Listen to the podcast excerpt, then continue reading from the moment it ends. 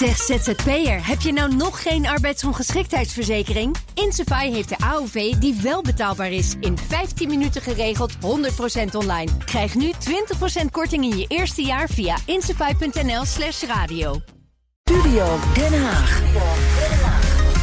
Nederland steunt Israël onvoorwaardelijk na het geweld van Hamas. Die boodschap herhaalde premier Rutte vandaag na een extra overleg van de Nationale Veiligheidsraad. De reactie van de Nederlandse regering van afgelopen zaterdag was denk ik de enig denkbare. Dat als een land wordt aangevallen door een terroristische organisatie, en dat gebeurt hier, met deze massaliteit, dat wij uiteraard dat land steunen en volledig erkennen het recht van dat land om zichzelf te verdedigen.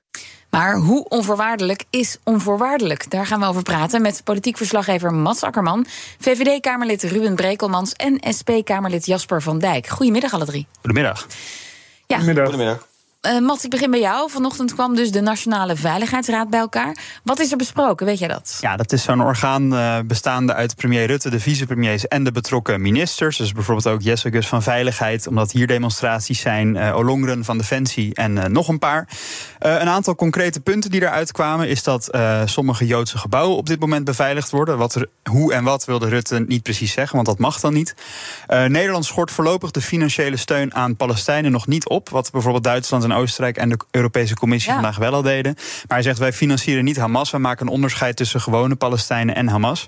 Eh, en hij kreeg achteraf bij een persmomentje de vraag: ja, onvoorwaardelijke steun. eh, ja, wanneer houdt hij op? Nog een keer. Israël is aangevallen door een terroristische organisatie. Inderdaad, hier is geen ja maar op zijn plaats. Dit is een terroristische organisatie die Israël aanvalt. En eh, dat betekent dat Israël onze steun rekenen. Ja, dat klinkt behoorlijk of onvoorwaardelijk. Onvoorwaardelijk, Ehm, hij kreeg ook nog een vraag naar de pro-Palestijnse demonstraties die we hier hebben gezien, hoe hij daar naar keek. In Nederland is er het demonstratierecht. Eh, de burgemeesters gaan erover. Mensen mogen natuurlijk uiting geven aan hun zorgen.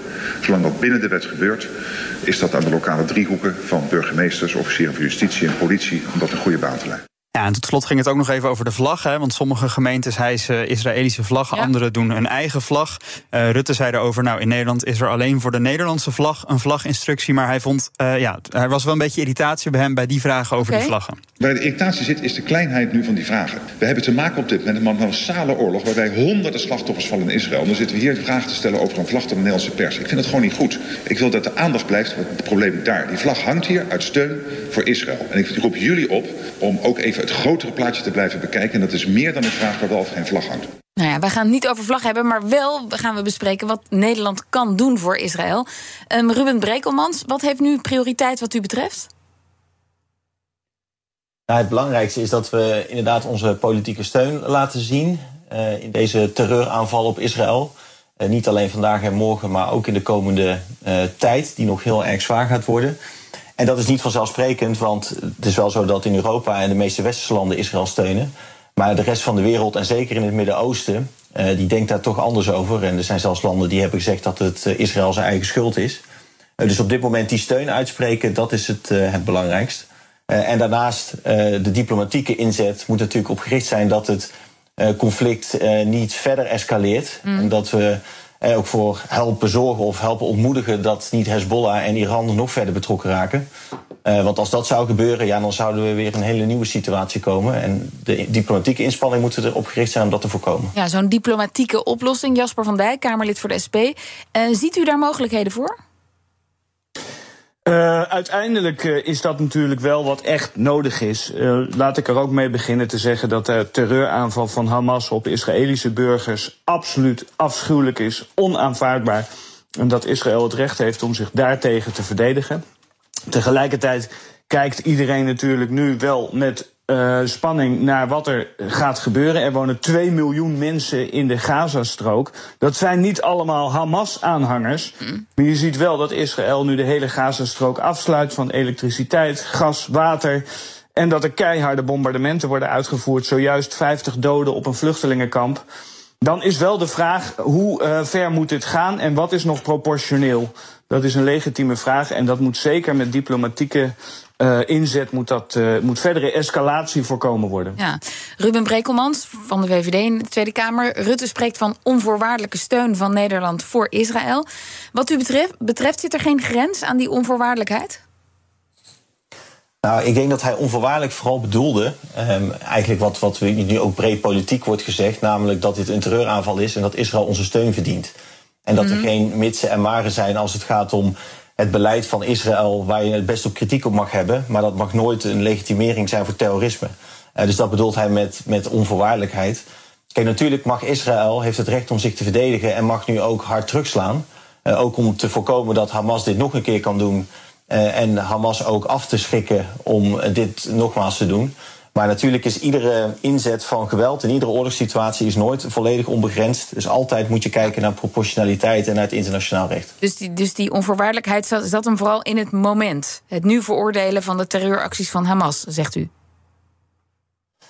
Ja, het, het, zit er vooral in dat, dus het, dat het Israëlisch beleid, eh, dat je niet kunt zeggen, nou dat is een excuus voor Hamas of voor iedere Palestijn, zeg maar, om dit type geweld te gebruiken. En dat is natuurlijk wel het type argumentatie uh, wat je best wel vaak hoort. Uh, en daar wilde premier Rutte, maar ik zie ook heel veel andere politici en landen doen zich heel duidelijk over uitspreken. Je mag best kritiek hebben op het beleid van Israël, maar het mag nooit enige legitimatie zijn voor die vreselijke terreur die nu plaatsvindt. Uh, en Israël mag nu hard terugslaan. Uh, maar ja, er zit altijd, en moet je kijken naar proportionaliteit ja. in het internationaal recht natuurlijk. Jasper van Dijk, bent u het met Brekelmans eens? Nou, ik moet zeggen dat de heer Brekelmans uh, een stuk genuanceerder is dan andere stemmen die ik hoor. Uh, want ik ben het met hem eens. Uh, terreur moet bestreden worden, is absoluut onaanvaardbaar. De beelden van onschuldige burgers, bijvoorbeeld op dat festival, zijn te walgelijk voor woorden om te zien. Uh, maar tegelijkertijd weten we allemaal dat de Israëlische strijdkrachten een veelvoud aan uh, een, een, een, overmacht zijn ten opzichte van de Palestijnse strijdkrachten. En dat als Israël dat wil, dan kan het Gaza volledig met de grond gelijk maken. Maar dat lijkt mij politiek gezien en humaan uiteraard ook zeer, zeer onwenselijk. En meneer Brekelmans weet denk ik ook dat er in de Israëlische radicaal rechtse regering dat er stemmen zijn die dat wel zeggen. Van nu helemaal definitief afrekenen met alle Palestijnen. En, en dat zou tot een ramp, tot een catastrofe leiden die het geweld alleen maar groter maakt. Dat moeten we echt voorkomen. En meneer Van Dijk, als we dan even teruggaan naar Europa. Um, Duitsland en Oostenrijk schorten de ontwikkelingshulp aan Palestijnen op.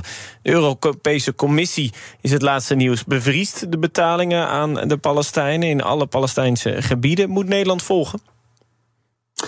Uh, nee, ik, en ik vond het ook heel verstandig wat u zojuist in de uitzending meldde. Dat de Nederlandse regering ook zegt: wij gaan dat niet uh, staken, die hulp. Want wij geven ontwikkelingshulp aan Palestijnen. En niet aan de Hamas-bestuurders. Uh, maar dan kan dat, dat geld wel bij Hamas terecht. terechtkomen, natuurlijk.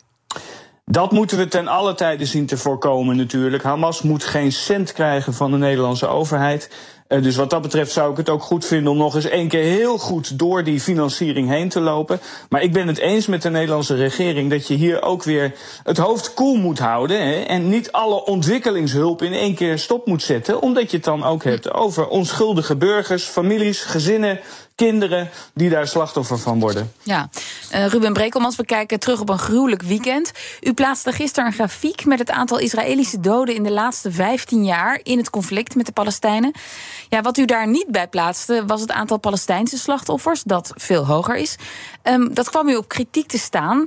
Ja, dit conflict is nou net zo'n conflict dat ook buiten uh, het, het Midden-Oosten doorwerkt op straat. Er zit veel spanning op. Is zo'n zo'n post dan niet polariserend? Nou, kijk, wat ik daarmee heb proberen aan te geven is hoe uitzonderlijk dit voor Israël ook is. En dus als je kijkt naar. Kijk, Israël is natuurlijk gewend om onder dreiging te staan, is ook gewend om aangevallen te worden, helaas. Maar niet op deze schaal en niet op deze manier en ook niet met deze aantallen uh, doden. Dat heb ik daar proberen aan te geven. Uh, en natuurlijk is het zo dat in dit conflict dat er enorm veel Palestijnse slachtoffers ook zijn gevallen en dat de aantallen dat die, nou, dat die groter zijn aan de Israëlische kant. Dat, dat ontken ik natuurlijk niet. en het is inderdaad zaak dat we ervoor zorgen dat de spanningen, dat we die niet naar Nederland importeren. En dat we daarbij ook zorgvuldig zijn in hoe we hierover spreken. He, dus, Heeft u hem al verwijderd? regering. Ik heb niet verwijderd, want de, de, cijfers die kloppen. En mijn punt klopt ook, namelijk dit is een van ongekende omvang uh, voor Israël. Dat is het punt wat ik daar heb willen maken. En ik heb helemaal niet gezegd dat, dat er geen, aan de Israëlische kant geen slachtoffers zijn. Ja, en, en Mats, hoe kijken eigenlijk andere partijen hiernaar? Naar het soms polariserende debat als het over dit conflict gaat? Nou ja, je ziet dat Nederland van oudsher wel iets meer pro-Israëlisch is, maar dat het bij de linkse partijen wel iets meer aan het verschuiven is. dat daar de andere kant ook wat meer aan bod komt. Uh, maar je ziet bijvoorbeeld ook een kleine partij als Bijeen. Uh, die zijn wel uitgesproken pro-Palestina. Die plaatst een bericht waarin ze zeiden vanzelfsprekend de Palestijnen te steunen in hun antikoloniale verzet. Kwam ze ook wel op veel kritiek, kritiek te staan. ja. ja. Uh, maar je ziet bijvoorbeeld ook bij GroenLinks Partij van de Arbeid, die zijn nu samengegaan. En lijsttrekker Frans Timmermans van PvdA-huizen, nou, die heeft zijn steun voor Israël uitgesproken. Maar je zag ook wel online een deel van de GroenLinks-achterban, ja, die, die toch wel een beetje zoiets hadden van ja, je moet wel het hele verhaal vertellen. En het, het is een beetje een eenzijdige tweet die je plaatste. Dus, maar je ziet bij alle partijen, het ligt ontzettend gevoelig. En je merkt inderdaad als je erover praat dat veel mensen toch wel een beetje op tenen aan het lopen zijn. Ja, uh, laatste vraag aan de Kamerleden, aan beide. Uh, wij zijn ook onderdeel en, en, en wij zijn een mediaorganisatie. We merken aan alles dat het onderwerp enorm polariserend kan zijn. Um, ja, hoe kunnen we aan al die verschillende meningen recht doen? Ruben Brekelmans. Door, door wel, uh, door wel verschillende meningen aan het woord te laten. Maar laat ik in ieder geval vanuit mezelf spreken, ook wel uh, op sommige momenten ook wel heel kritisch te zijn en heel duidelijk te markeren, eigenlijk wat we eerder in dit gesprek ook deden, dat, dat niks een legitimatie kan zijn voor terreur. Mm -hmm. uh, en, maar bijvoorbeeld ook door te zeggen dat zeker niet iedere Palestijn is een, is een aanhanger van Hamas of is een Hamas-terrorist. Dat is een heel erg groot verschil. net zo goed als niet iedere inwoner van Israël of iedere Jood achter het beleid van de Israëlische regering staat. Uh, volgens mij moeten we voorkomen dat er in algemeenheden wordt gesproken zoals Joden tegenover moslims of, of, of, Israël tegenover Palestina. Maar moeten heel secuur aangeven waar het hier om gaat. Het gaat om een terreurorganisatie die een land aanvalt. En dat land heeft ook het recht om daar uh, tegen op te treden. Jasper van Dijk, kort tot slot. Voor een groot deel eens. Um, Hamas is een terreurorganisatie en uh, het is terecht dat daar uh, op wordt gereageerd. Tegelijkertijd heb je ook een context waarin dit conflict zich afspeelt. Het is natuurlijk niet zaterdag begonnen, het is al decennia aan de slag en uh, aan de gang. En dan weet je ook dat het te maken heeft met de bezetting van Palestijns gebied, waar Palestijnen tegen vechten. Dat is nooit een rechtvaardiging voor de aanslagen die Hamas heeft gepleegd. Maar een oplossing die zal die bezetting ook erbij moeten betrekken, anders kom je hier nooit uit. Dank voor jullie nuance. Ruben Brekelmans van de VVD, Jasper van Dijk namens de SP en onze eigen Mats Akkerman. Zeg ZZP'er, heb je nou nog geen arbeidsongeschiktheidsverzekering? Insafai heeft de AOV die wel betaalbaar is. In 15 minuten geregeld, 100% online. Krijg nu 20% korting in je eerste jaar via insafai.nl slash radio.